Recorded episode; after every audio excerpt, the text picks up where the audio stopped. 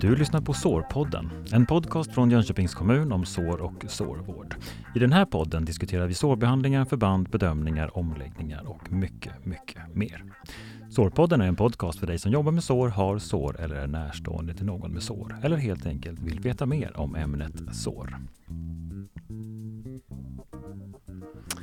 Ja, då kör vi igång med avsnitt nummer 15 av våran sårpodd. Och vi som pratar heter Johan Lundell och Malin Munter. Ja, hej Malin. Hej Johan. Hur är läget? Är det bra? Hur är det själv?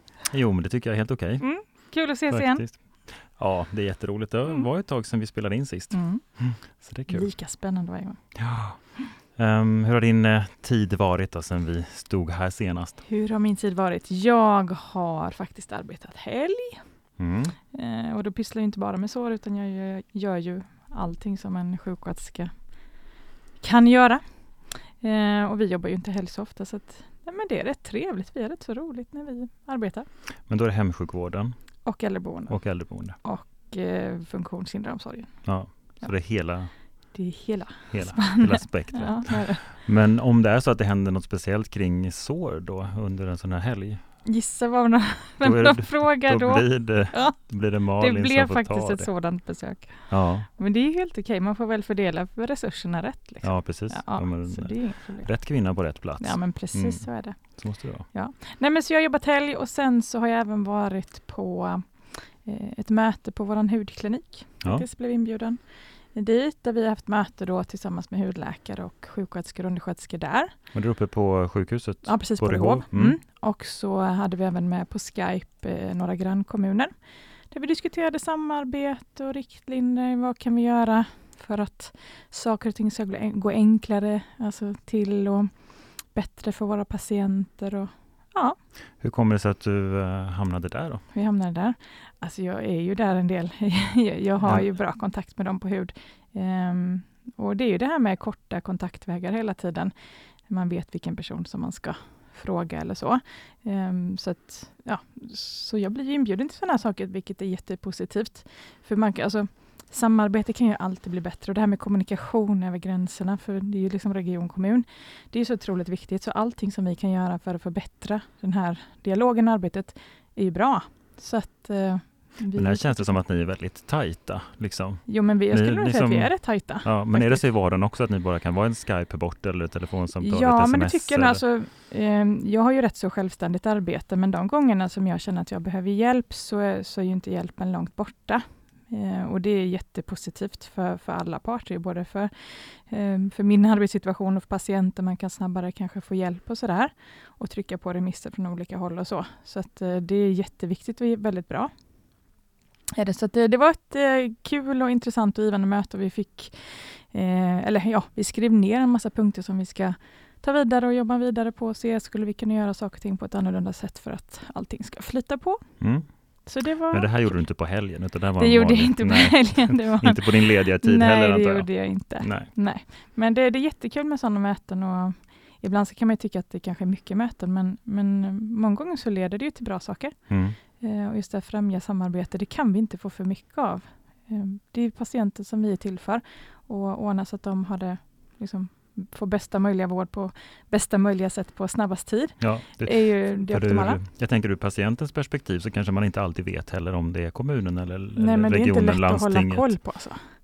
Det är verkligen inte lätt. Och det kanske att inte spelar någon roll heller egentligen. Nej, men det kanske inte gör så. Huvudsaken är att de får den hjälp. Alltså de som behöver hjälp ska ju få den hjälp de behöver. Ja. Så kan man väl säga.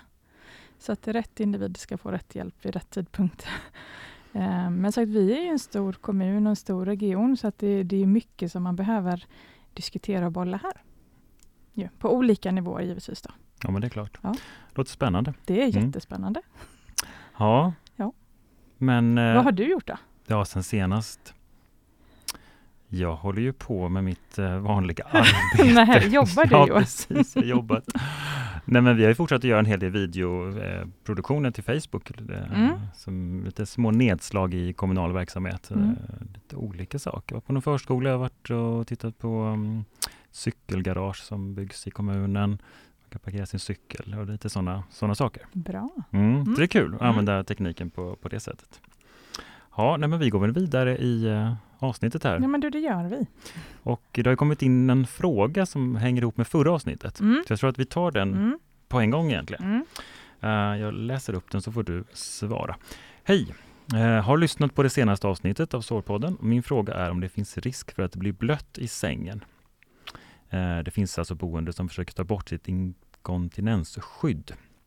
Vad använder vi då över draglakanet? Hängde du med på frågeställningen? Ja, men det känns som att eh, frågeställaren här jobbar säkert på ett boende. Eller på något, ja, Mm. det kan man misstänka va? Mm.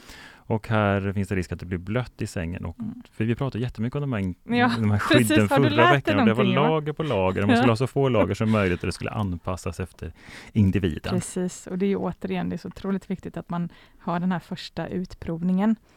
Eh, så att man inte liksom släcker någon brand med att lägga dit någonting i sängen. Men det verkar ju ändå här som att man eh, har gjort det och eh, den här patienten eh, plockade bort sitt inkontinensskydd. Mm. Och då är det svårt. Då är det svårt.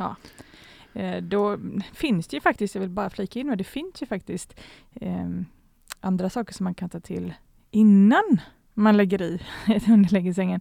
Det finns ju till exempel en body av olika, alltså tänk dig en pyjamas i vuxenstorlek Mm. med både korta och långa ben och korta långa armar som liksom håller allt på plats så Ja, att det blir svårare att, eh, att komma åt Ja. för eh, den här individen. Men bodyn i sig är inget skydd utan det är Nej, bara för att det är hålla mer ihop. för att hålla ihop och, Ja. och att man inte kommer åt skyddet. Så jag vill bara skicka med att man får inte glömma det, för ibland, framförallt på patienter som, eh, eller till patienter som har en kognitiv svikt, någon demensdiagnos eller så, så, um, så kan det fungera väldigt bra faktiskt eh, med ett sådant. Men om det nu inte gör det, Mm. eh, så är det ett tvättbart inkontinensunderlägg då som man ska ha i sängen. Ja. Och det kommer du ihåg hur det ser ut Johan? Ja, det kommer jag Du ihåg. har det här helt Nej, det har jag inte helt färskt i minnet. har jag inte. Men jag vet ju att det finns de som Ja. går att använda flera gånger, de som man bara använder engångs. Ja, men precis. Ja, vi försöker minimera de här engångs, de här plastade, för det blir väldigt varmt. Det blir varmt och klibbigt Precis. även om man använder dem på rätt sätt. Ja, så blir det fuktigt. Det är Mm. inte behagligt att ligga på. Nej. Så det var väl dagens fråga. Vi flyttade plats lite fråge, frågedelen idag. Vi tog den som För hör det ihop verkligen mycket med, med tidigare avsnitt. Ja. Och har du en fråga så ställer du den till sårpodden att jonkoping.se eller fyller i formuläret på, på vår hemsida. Det går jättebra. Ja, Ja, men då kör vi vidare. då kör vi vidare. Vad ska vi Ehm, prata om idag? Vad ska vi prata om idag? Alltså idag ska vi prata om ett rätt så tungt ämne eh, som gäller sår och det är eh, maligna tumörsår. Eh, många tycker att det här är väldigt svårt och jobbigt och man vet inte riktigt hur man ska göra och vad man ska göra, eh, på vilket sätt och så vidare. Och därför kände jag att det kan vara bra att ägna lite tid åt det här. Det här skiljer sig lite från de andra såren som vi har pratat om och kommer att prata om. Ehm, För att, ehm, ja, som sagt, jag kommer, jag kommer att nämna alla tuffa bitar i detta. Ehm, Men det här är ju palliativa patienter som får det här. Och det, ja, det är en tung situation helt Ja, enkelt. precis. Men varför kommer jag gå in på? Ja. Och maligna eh, tumörsår då, då Ja. menar du att eh, Det är lakartade. Liksom. ja. Ja. och palliativt, då är det Då, i livets slutskede. Ja, men precis. Yes. Eh, och jag kan ju nämna också då att eh, jag tror att jag har nämnt det någon gång tidigare i något eh, tidigare avsnitt att det finns ett nytt, eller ja, nytt och nytt, men det finns ett vårdprogram från 2015 eh, som heter just maligna tumörsår. Så man googlar på det så finns det jättemycket bra information där och mycket av det som jag kommer att prata om idag står där. Sen kan det alltid ibland vara lättare att, att lyssna till en sammanfattning än att läsa ett helt kompendium, men jag vill, ändå eh, att ni ska veta att det finns, så man kan liksom ha det som ett litet lexikon om man vill. Sen så eh, ska jag säga återigen att jag är inte någon expert på, Mm, på maligna tumörsår på något sätt, men vi stöter på det en hel del. Ehm, och man behöver som sagt ha lite, lite koll på det här. Jag har själv varit på, på många föreläsningar i det här ämnet. Och det finns en sjuksköterska i, i Stockholmsområdet, ehm, Duva, Susanne Duva, som är jätteduktig på det här. Så får ni möjlighet någon gång att lyssna på henne eh, i detta ämne så gör det. Mm. Eh, kanonbra. Jag har lärt mig jättemycket av, av att lyssna på, på föreläsningar som hon har hållit. Men som sagt, vi ska gå igenom det idag och eh, eh, ja, alltså du och jag Johan, vi har ju kommit fram till att vi är rätt så, vad ska man säga, lättsamma personer du och Mm. jag och har lätt till skratt. Men idag så kommer det bli ett annorlunda avsnitt för att vi, Ja. det, ja, Ämnet, eh, ämnet är tung, tyngre. Ehm, ja, nej, men vi kör väl igång Så då vet ni enkelt. lite vad som väntar i, Ja. dagens avsnitt kan Ja, precis. Mm. Eh, jag kan även säga att Johan, du fått titta på lite bilder på tumörsår innan för att du ska förstå lite vad det handlar om. Mm. För det är inte lätt annars att, att greppa det, Nej, vad det är som vi precis. pratar om. Um, ja, men som sagt tumörsår då. Um, kan jag börja med att säga att de skiljer sig lite i hur de utvecklas eh, jämfört med ett vanligt sår. För har man ett vanligt sår så har vi vissa faser som man går igenom. Eh, I sårläkningsprocessen kallar man det. Vi har en inflammationsfas, en nybildningsfas och en mognadsfas och det har man inte när det gäller tumörsår. Men ska vi redan här säga någonting om hur uppkommer de då? Ja, det är det så att ofta så, jag kommer nudda lite på det, men ofta så Ja. har du en cancerdiagnos från början och eh, det här tumören då eh, går ju, tar sig igenom huden helt enkelt. Den växer då in Ja. i kroppen och Ja. sen så får den inte plats tycker den eller? Precis, och och så, så, växer den, bryter igenom. och då huden. uppstår det här såret då? Ja, men precis, så är det. Eh, och man ska ju alltid vara, alltså, beakta alltså, sår som inte läker, eh, som man har tänkt eller något födelsemärke som ser lite konstigt ut eller eh, om man nu har eller har haft en cancersjukdom och man får något märke eller något sår så ska man ju vara observant på det. Eh, och kanske söka hjälp och kolla så att inte det, det är något konstigt. Eh, ja, det kan man, eh, behöver man tänka lite på. Det som är eh, lite speciellt som är de, de här maligna tumörsåren, det är att de kan alltså växa väldigt snabbt. Så på inom väldigt, väldigt kort tid, alltså inom loppet av ett dygn så kan ju storleken, alltså det kan bara explodera liksom. Mm. Ehm, och därför kan det också vara tufft att när man ena dagen tycker att ja, men nu har vi hittat en bra strategi för omläggning här. Nästa dag så funkar inte det. Nej. Och, men är det ett ganska tydligt tecken på att det är en, Ja. ett cancersår? Ja, det är det. då? För, för så snabbt eh, vad man säga, växer inte andra sår till. Eh, typ arteriella sår kan, kan ha en väldigt snabb frammarsch men inte alls på det sättet och det ser inte ut på det sättet heller. Eh, så det växer mer okontrollerat och ohämmat kan man väl säga. Eh, och, sagt, och det är också ja, det är en av de bitarna som är tuffa helt enkelt. Ja, precis. Du var inne på faserna där i, i eh, processen Mm. Och det skilde sig någonting sa du? Hur? Ja, det skiljer sig från den vanliga alltså sårläkningsprocessen som vi kommer prata om i ett annat program. Mm. Men eh, man har inte dem där. Eh, det ter sig, alltså jag brukar säga så här, när det gäller tumörsår, var beredd på precis vad som helst. Okej, allt kan hända. Ja, Mm. Och lite beroende på var det sitter så får man vara beredd på olika saker. Mm. Men du var inne på inflammationsfasen, hann du nämna lite kort? Som sagt, jag kommer prata om det här med ett Du annat program Johan. Ja, så jag tänker att vi släpper dem. Ja, yes. Vi går vidare. Ja. Mm. Ehm, men sagt, eh, maligna tumörceller har ju ehm, förmåga att alltså, bilda nya kärl och mm, bilda nya metastaser. Och ja, sagt, återigen, man får vara beredd på egentligen precis vad som helst. Eh, och försöka möta individen eller personen där den är just nu och ta hand om situationen Mm. just nu. Precis, men den här metastasen här, Mm. är det någonting som syns eller hur? Ja, det är olika. Olika, hur menar du då? Ja, eh, nej, men det beror på helt vad det är för, eh, alltså var sitter såret, från, eller var sitter tumören från början och ja, det är så mycket om och men kanske. Ja, Okej. Ehm, men det som man kan säga är då att, precis som vi sa innan, att när en hud eh, eller huden eller slemhinnyta ehm, har förstörts då av en alltså, tumör ehm, så blir det liksom ett tumörsår. Eh, och man brukar säga att eh, många av de här såren får en lite vad ska man säga, blomkålsliknande struktur. Mm. Förstår du vad jag menar då Mm. Johan, ja, nu men, när du har sett på lite bilder? Ja, men det kan ja precis. Lite, Ja. lite vitgrön, lite små... Ja, och lite bulligt, buckligt. Bulligt, buckligt, liksom, ja. så. Eh, många ter sig så. Sen så finns det ju som sagt varianter där också. Eh, men så här, även håligheter, djupa gångar, fistlar. Vet du vad en fistelgång är Johan? Ja, men det är en gång. Ja, precis. Mm. ja. Det är det. Ja. Ehm, och det som är då jobbigt med de här såren, det är att de här kommer ju inte att läka.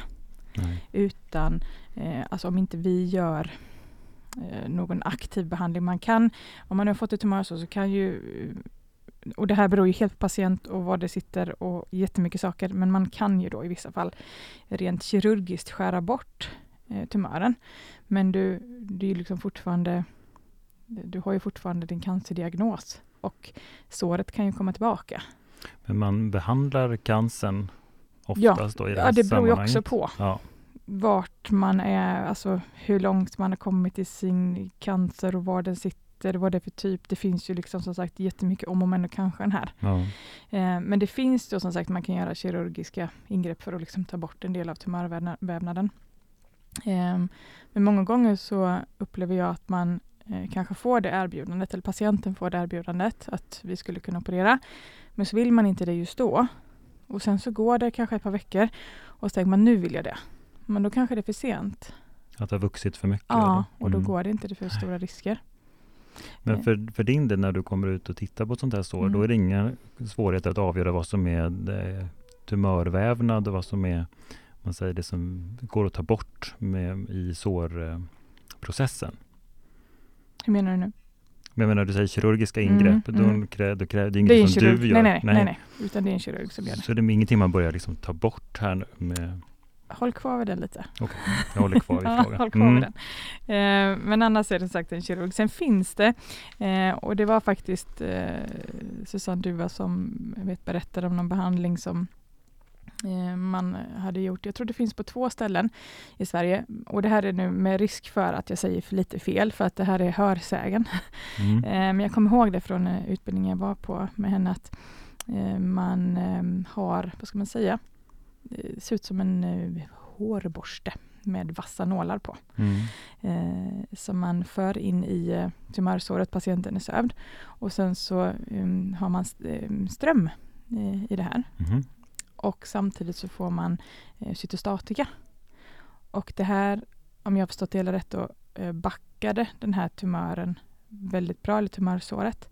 Eh, väldigt, väldigt bra, om jag, om jag minns rätt vad hon Ja. sa. Eh, och, eh, men väldigt god behandling, men det, sagt, det finns bara på två ställen i Sverige.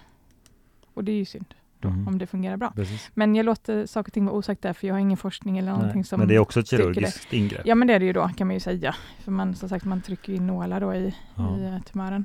Men eh, jag tyckte det var en spännande, det var spännande det hon berättade där i alla fall. Eh, sen har jag inte läst mer om det, men jag har ändå hört det. Mm. Ehm, sen det som är om man säger, jobbigt då för individen som är drabbad av det här tumörsåret är att det är så otroligt många symptom som följer med. Vet du vad symptom är Johan? Ja, men då är det ju eh, effekter av Eh, ja, annat ja, som, andra funktioner som blir Ja, påverkade precis, av ja. Eh, och, det, och, ja, och då har vi det här med lukten till exempelvis, att det luktar väldigt mycket. Eh, att det är lätt blödande. Mm. Men det här uppstår alltså när, när såret har, Precis. när det har brutit igenom om man ja, säger. Ja, men precis. Ja. Det vätskar väldigt mycket. Eh, väldigt, väldigt mycket. Alltså Det Mm. kan ju vara flera deciliter per dag. Det rinner liksom. Det rinner. Ja. Ehm, smärta. Det gör ont.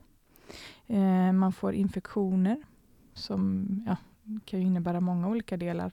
Ehm, men bara infektioner i sig är ju väldigt påfrestande och jobbig. Men jag tänker innan det bryter igenom huden Mm. då, har man inte de här symptomen då? Att det gör ont eller att det, Det är ju så himla olika beroende på vad det är för cancerdiagnos du Ja. har. Så att det går liksom inte att säga faktiskt. Jag nej. kan inte. Ehm, så det finns otroligt många eh, symptom, besvärande symptom för den drabbade individen som vi behöver försöka hjälpa till med helt enkelt. Som väl är så är det inte alla patienter som har en cancerdiagnos som får tumörsår. Eh, man har ju tittat lite på detta och eh, man uppskattar mellan 5 och 10 procent av de patienterna som har en cancerdiagnos som utvecklar ett tumörsår. Mm. Men det måste ju avgöra, bero på var någonstans det sitter liksom i, återigen. Ja, det, det, var lite så det här ja, avsnittet ja. Mm. ja eh, det, man kan ju få tumör precis vad som helst och det kan sätta metastaser och, och så kan det bli sår. Men alltså jag har ju stött på tumörsår, allt som sitter från Alltså på stortån, i örat, i munnen, på huvudet, vagina, penis, bröst, rygg. Eh, sakra, alltså det finns ju precis var som helst. Alltså. Mm. Eh, och det här blir också då en utmaning i och med att det sitter precis överallt så är det ju den här utmaningen att bandagera. är ju inte smidigt typ i munnen. Nej, precis. Hur gör man det? Hur gör man det? Ja.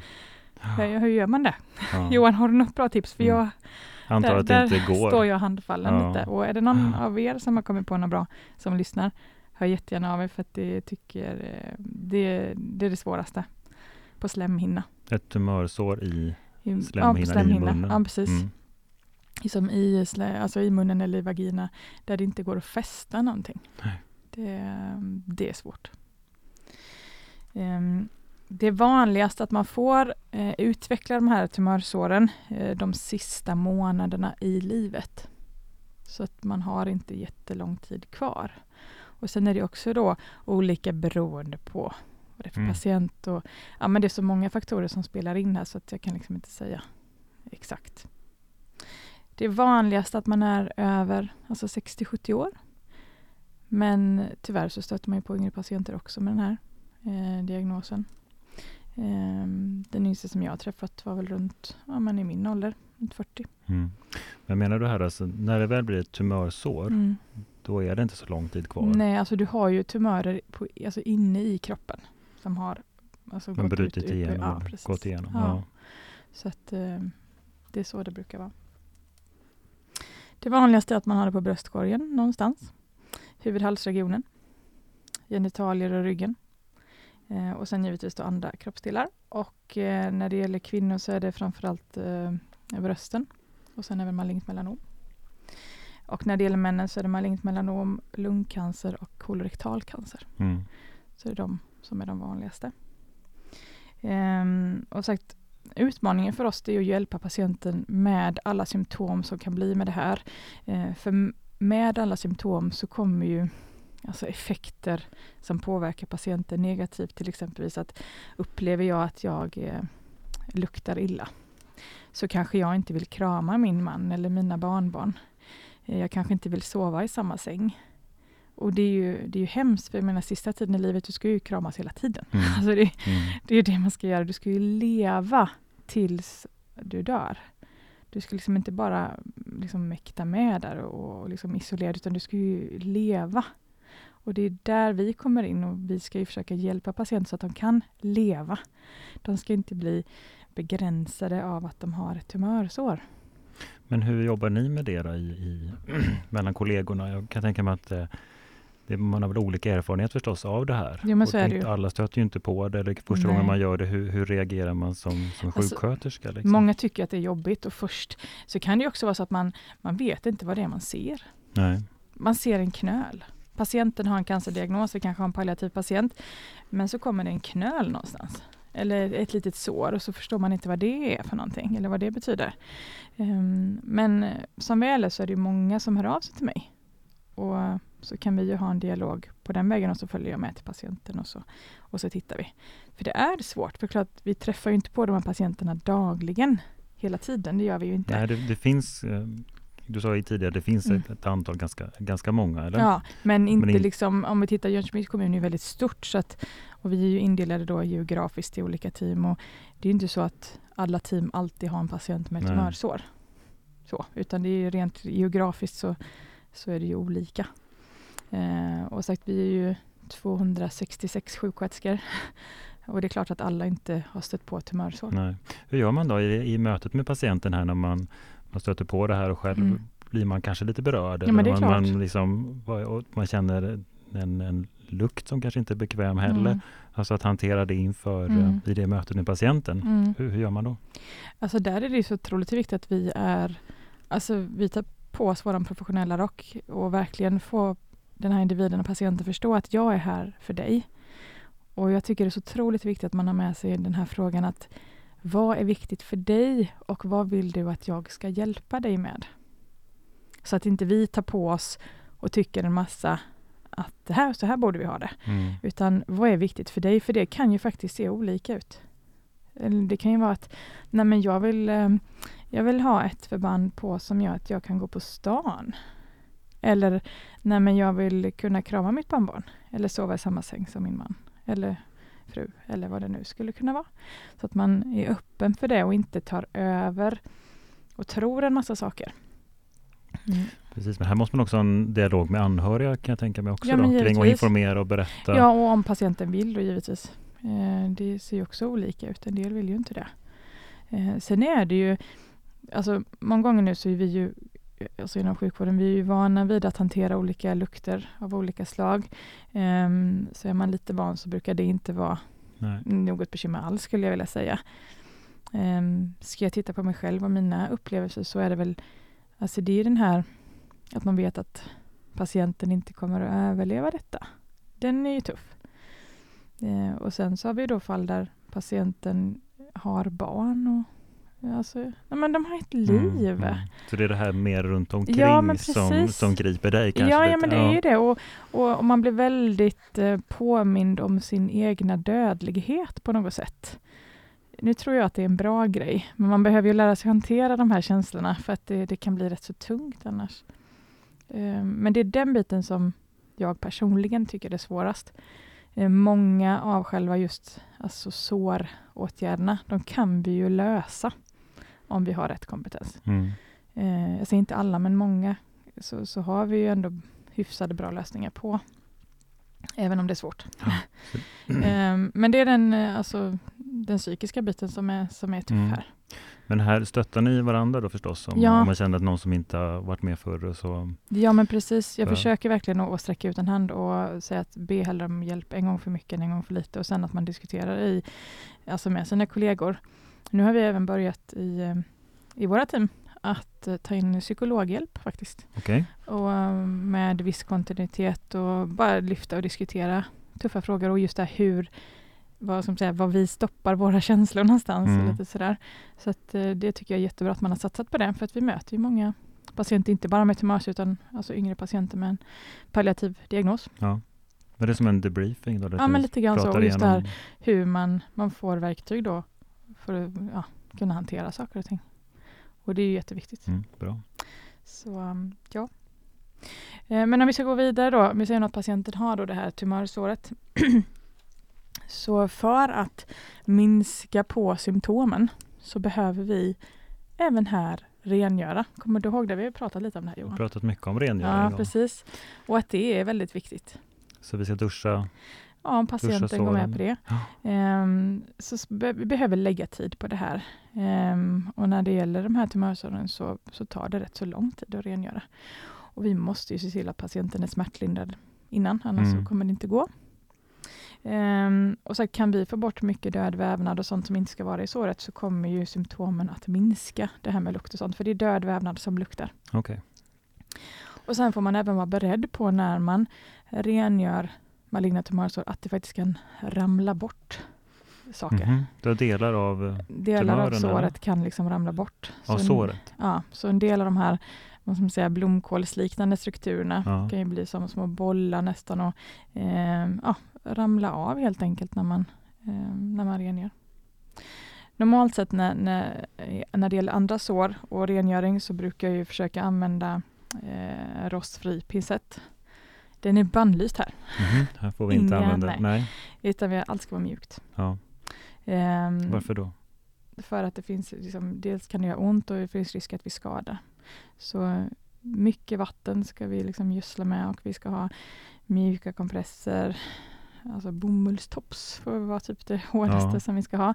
Och sen får man liksom rulla de här bomullstopsen och rengöra i såret. Så ingen pincett överhuvudtaget? Nej. Det, Nej. det räcker inte att den inte är av metall utan det ska Nej. inte vara någon. Nej, det ska inte vara inga hårda grejer. Ehm, och som sagt, man, man får lägga tid på detta.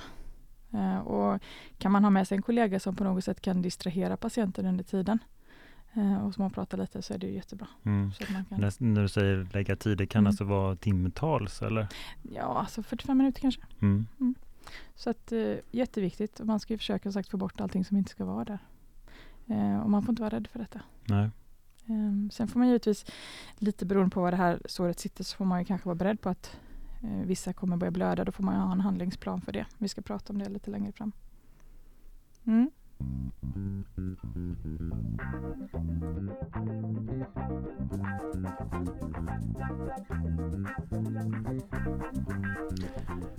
Ja, men är det något eh, speciellt då som du brukar rengöra de här såren med eller är det, är det bara vatten? Kranvatten är ju kanonbra, men eh, i de här såren så brukar det finnas rätt så mycket fibrin, det här gula. Mm. Eh, och annan vävnad som vi liksom behöver få bort och då brukar jag använda Prontosan. Eh, det är en speciell vätska. Då. Dels kan man blöta kompressor och lägga på såret, en del av såret som man inte håller på att rengöra just nu. För då kan det liksom hjälpa till att luckra upp lite. Då får det ligga där ett tag eller mm. liksom verka? Ja, det får ligga och verka. Sen brukar jag även doppa bomullstops i Prontosan och liksom, eh, använda den när jag ja, försöker rengöra helt enkelt. Men sköljer du sen efteråt? Med, Nej. Så det Prontosanet ja. eh, räcker med, ja. med det? Mm. Ja, precis. Och sen efter det här så beroende på var såret sitter, hur det ser ut och så vidare så får man ju välja ett bra förband. Och här, kära ni, snåla inte på förbanden, alltså tänk att nu tar vi något billigt här. Utan det ska ju vara ett bra förband som tar emot vätska. Får inte ha någon tejp på de här patienterna för det kan göra jätteont. Utan det måste vara Johan något annat som sitter bra. Mm, silikon. Ja, precis. Mm. Silikonförband. Ja. Um, det måste vi ha. Eh, eller så finns det en annan typ av förband som jag ska visa sedan. Eh, som man också kan ha. Men sagt, snåla inte med det och försök hit, försök hitta bra lösningar. Um, för den här patientgruppen. Men det ska vara äh, absorberande? Ja, vi måste ju hantera vätska på bra ja. sätt när man kommer dit. För att vissa sår eh, vätskar ingenting och sen så helt plötsligt en dag så bara pang, så mm. vätskar det. Så att det ändrar ju sig väldigt mycket. Så man får ju gå efter hur är det just nu. Men hur gör du när du liksom lägger upp en plan för ett sår och när det ändras så fort? Ja, det är ju alltså tät kontakt med den sjuksköterskan som är ansvarig och se hur det är nu. Mm. Och sen så brukar jag ge alternativ på att om det ändrar sig så skulle man kunna göra så här eller så här eller så här. Eh, och sen så får man ju prova. Det finns ju liksom inga, eh, vad ska man säga, det är inte säkert att vissa saker funkar. För att det ändrar sig så mycket. Både hur det vätskar sig och hur det sitter och sådär. Eh, men man får ju vara beredd på att det kan ändra sig. Eller det trolig, troliga är att det gör det. Det kommer ändra sig. Ja, ja, precis. Så att man behöver hitta bra grejer. Och sen sagt är det så att såret sitter på huvudet eller så, så behöver man kanske hitta ett förband som är lite mer diskret. Så att om patienten vill gå ut på stan så ska man kunna göra det. Mm. Så det är återigen att man frågar vad är viktigt för dig och vad vill du att jag ska hjälpa dig med? Och sen får man individuellt anpassa. Ja, jätteviktigt. Ja. ja. Så att, eh, det var väl det.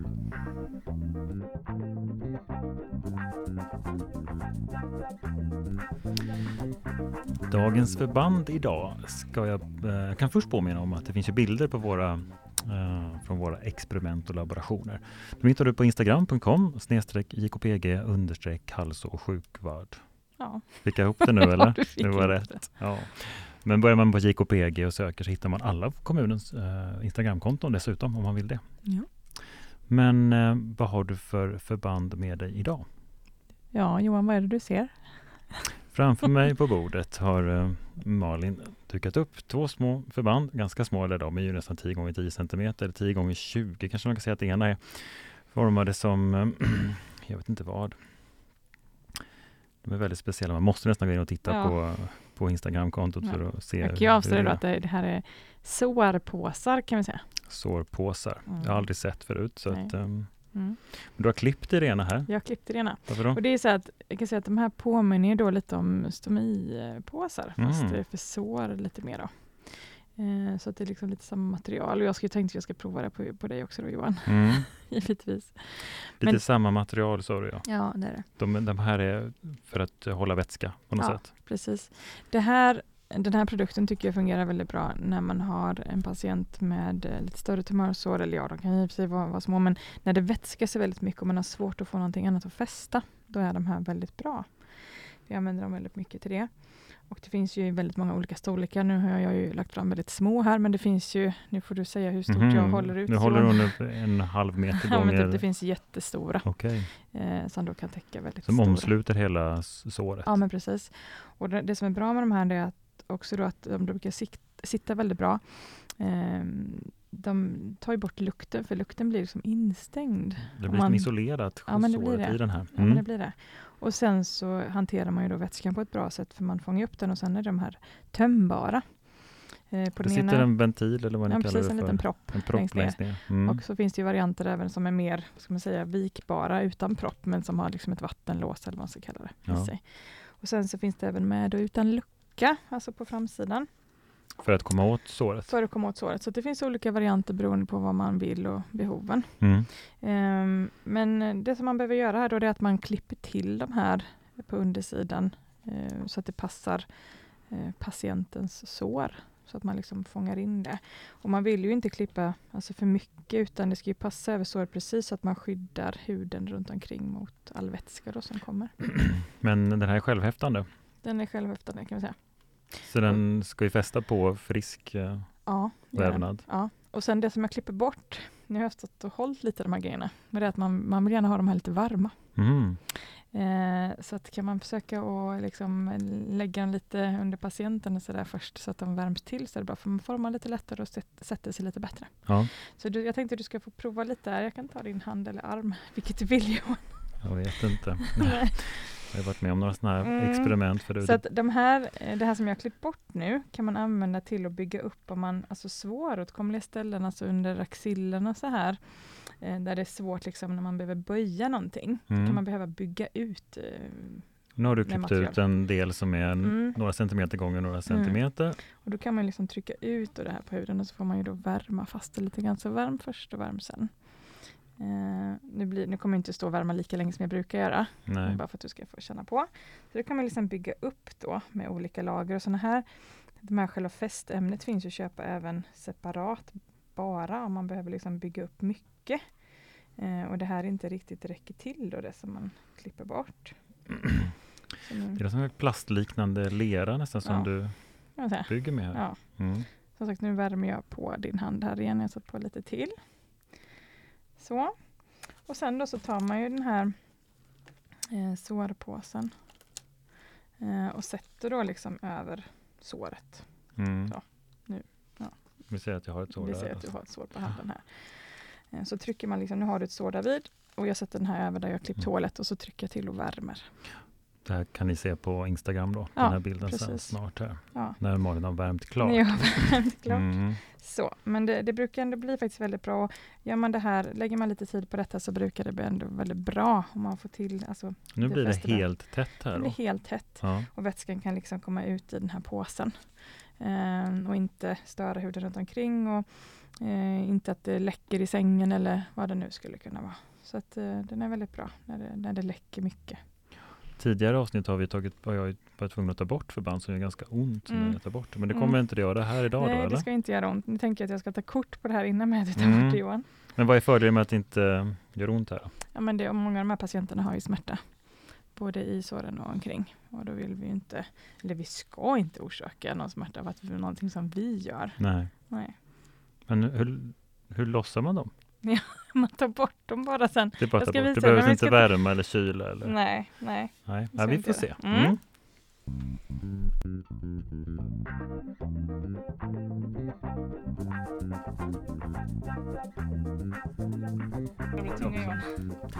Nu ska vi se om vi ska försöka ta bort det här förbandet då. Mm. Ska jag försöka själv? Försök själv Johan. Mm. Du är ju van vid att ta bort förband. Du har tagit bort en del tidigare, det har gjort väldigt ont Mm. och jag kommer ihåg att det fastnade hår allt Mm. Men det här var faktiskt lätt att ta bort. Jag Mm. viker upp kanterna på den här sårpåsen. nu är det inte exakt så, alltså det kommer ju, det, lite alltså det har suttit lite längre och man har värmt lite mer och sådär. Ja. Sen finns det olika sprayer som man kan använda för att avlägsna förband Mhm. ehm, som liksom lossar fästämnen och sånt. Ehm, men de här brukar ändå fungera väldigt bra Ja. bort. Så, nu är det borta. Ja, nu är det borta. Och bilder finns på Instagram. Ja. Så Bra. det var liksom sårpåsen. Det var sårpåsen i Ja. dagens förband. Ni får googla lite på det. Ja. Ja, bra.